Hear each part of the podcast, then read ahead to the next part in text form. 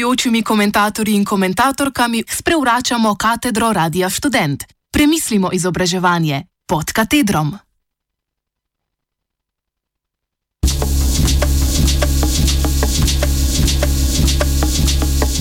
Salto mortale.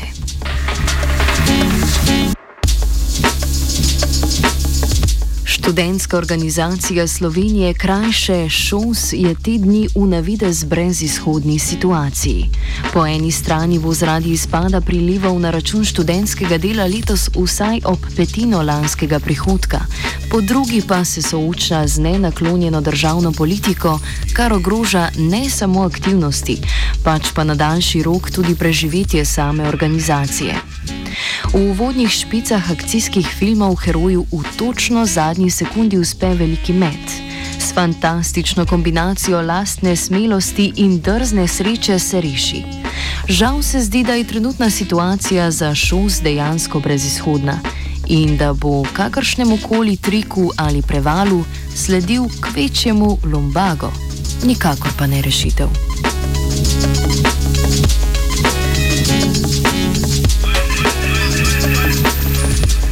V sredo 18. novembra je državni zbor sprejel zakon o izvrševanju proračunov Republike Slovenije za leti 2021 in 2022, krajše ZIPRS, ki je za naslednji dve leti, potencialno pa tudi dolgoročno, oklestil proračun ŠOS.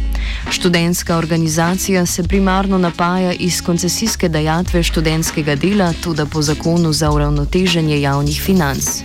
Zelo glasnem ZUIF-u država organizaciji zagotavlja minimalni proračun 11 milijonov evrov. To pomeni, da če v posameznem letu šol sprejme manj kot 11 milijonov evrov od študentskega dela, država poravna razliko naslednje leto. Zakon sprejet v sredo to državno pomoč omeji na vsoto, ki je bila šos izplačana glede na leto 2019. Problem je v tem, da je bilo leto 2019 za študentsko delo dobro. Država je šos do 11 milijonov pomagala z milijonom evrov. Letošnje leto je po grobih ocenah vsaj za petino slabše, če ne še več. To pomeni, da bo letos šos celokupno izračuna koncesijske dajatve prejel vsaj okoli 2 milijona evrov manj kot lani. Ker pa je državna pomoč organizaciji z novim zakonom omejena, to pomeni, da ta denar ne bo nadomeščen. V praksi pa, da je študentska organizacija na mah izgubila 20 odstotkov proračuna.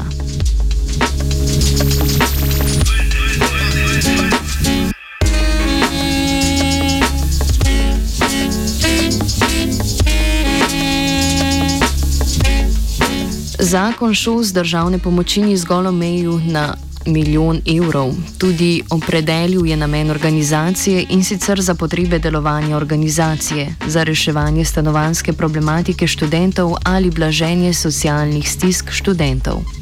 Hkrati naj bi organizacija o porabi sredstev tudi poročala. Taka omejitev se zdi relativno mlično zoba. Delovanje organizacije je širok pojem in glede na to, da je ŠUS lani že samo za svoje delovanje, torej če ne štejemo organizacij na posameznih univerzah, porabil okoli tri četrtine milijona evrov, na delitev pogače takšne določbe ne bodo vplivale. Temu je tako, ker ŠOS za svoje delovanje že tako porabi okoli 750 tisoč evrov. Že tako obstaja študentski tolar, skupaj smo torej že skoraj na 900 tisočih evrih. To pomeni, da ta namenska opredelitev ne bo spremenila delitvenega količnika, le računovodski razdelki bodo izgledali drugače.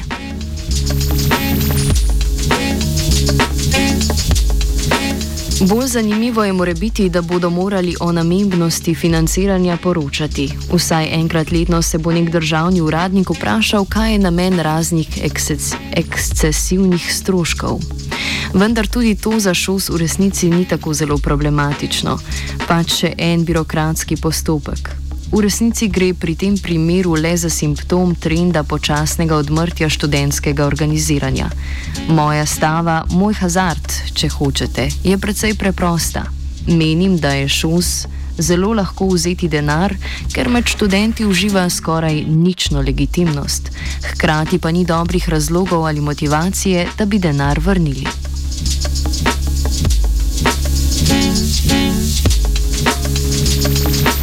Da študentska organizacija Slovenije med študenti ni prepoznana kot legitimna institucija, je preprosta numerična resnica. Volilna udeležba na študentskih volitvah zadnje čase le stežka preseže 10 odstotkov, kar jasno nakazuje na nizko raven študentske zavesti. Drugi parametri, da nimo kar zadeva doseg na družbenih omrežjih, prav tako kažejo, da šos nima zares velikega dosega. Novinari univerzitetne redakcije Radio Student tudi v praksi na terenu vedno znova opažamo, da študentom pač ni mar za študentsko organizacijo. V večini primerov niti ne vedo prav dobro, kaj je razlika med študentsko organizacijo in študentskim svetom.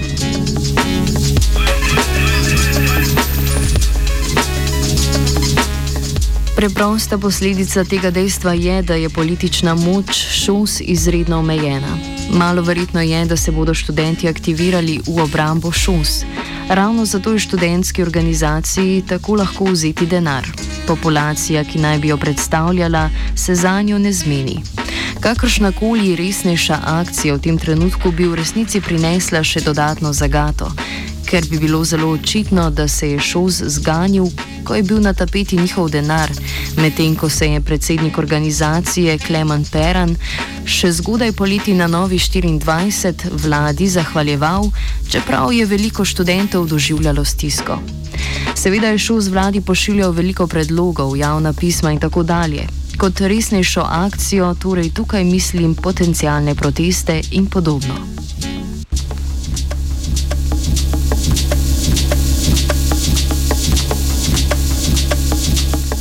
Hkrati, vsaj tako se zdi, ni v državnem političnem prostoru nikogar, ki bi kakorkoli profitiral od podpore ŠUS. Ni jasno, zakaj bi se katerakoli stranka zares potegnila za študentske politike. Po eni strani ŠUS ni tako uporaben zaveznik, kar razen organizacije, ker razen organizacije zbiranja podpisov za referendum v politični prostor ne doprinese prav dosti. Po drugi strani reševanje šus v primerjavi z drugimi boji ne prinaša velikih koristi. Večina voljivcev ali ne ve, kaj študentski funkcionarji počnejo, ali pa jih poznajo le po vseh odmevnih škandalih in aferah.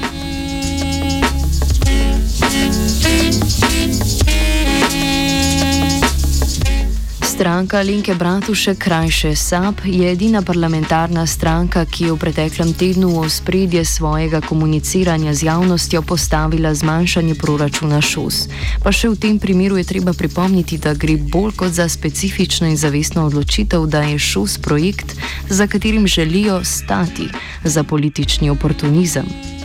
SAP pač potrebuje načine, da se razlikuje od preostanka opozicije in slogan, da vlada kaznuje študente, omogoča enostaven in instant populizem. Hkrati se spomnimo na desno roko Alenke Bratušek, Jrneja Pavliča, ki je kot študentski poslanec šov v Ljubljani poskušal komercializirati K4, študentsko svetovalnico in radio študent, bil je član povezanih.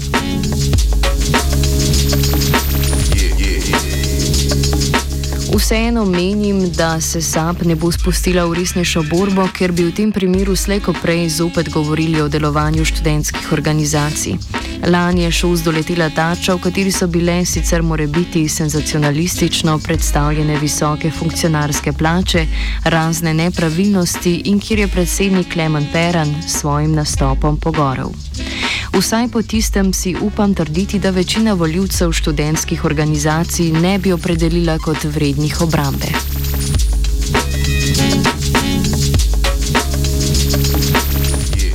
Ravno zato gre pri vsem skupaj. Šus ima vedno krajši seznam prijateljev, hkrati pa ima vsaj nekaj zelo odločnih sovražnikov.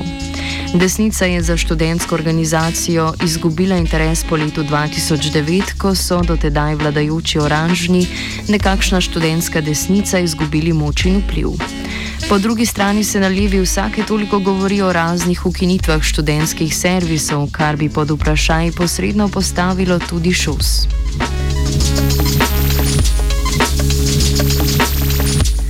Trenutno se konec študentskega organiziranja še vedno zdi daleč. Tudi večina indicev kaže, da je trend jasno začrtan. Zelo verjetno se tega zaveda tudi večina študentskih funkcionarjev, ki imajo na tem mestu dve vratolomni možnosti. Lahko poskusijo z obsežno javno kampanjo, ki bi verjetno terjala korenite institucionalne spremembe, češ postali bomo transparentni in demokratični ali kaj podobnega. Nekaj programskega pač. Po drugi strani bi se lahko vladajoči funkcionarji v miru okoristili, dokler se še lahko.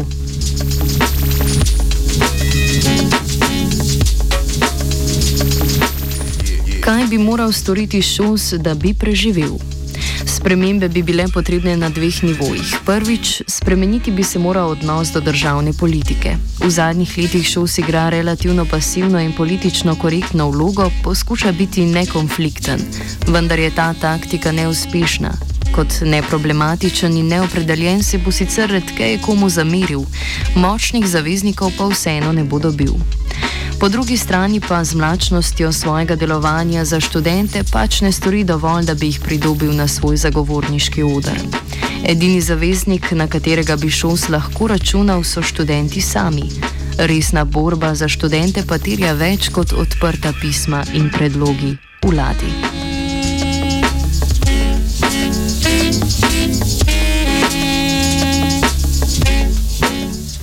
Druga raven spremembe ima podoben cilj. Politični procesi v šols bi morali postati dovolj vključujoči, da študenti ne bi bili tako odtujeni od organizacije. To pomeni, da bi se šols moral iztrgati primežu modrih in povezanih in njim podobnim, zaradi katerih se študenti s študentsko politiko večinoma raje ne ukvarjajo. Etablirane študentske stranke so pač tako totalizirale političen prostor, da jim je težko kon konkurirati. Ironično so političen prostor totalizirale z depolitizacijo, z depolitizacijo. Na študentskih volitvah je redko kdaj govora o resnem programu. Na debudno konkurenco pa pogosto doletijo tudi bolj umazane poteze. Spomnimo se na filoface ali pa na nasilje na primorskem. Na obeh nivojih je očitno, da bi ŠOS šele moral postati študentska organizacija. Zdaj deluje kot elitni klub, katerega izbrana smetana v javnost vsake toliko plasira svojo vizijo tega, kaj študenti zares potrebujejo.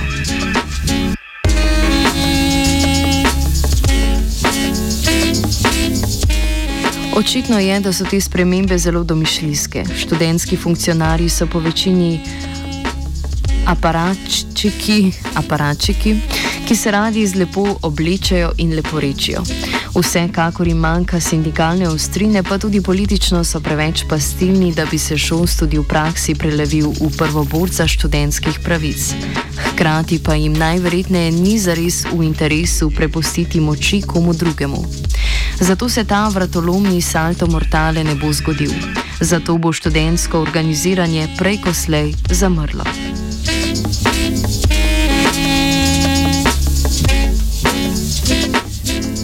Piše oziroma pisal je Matija.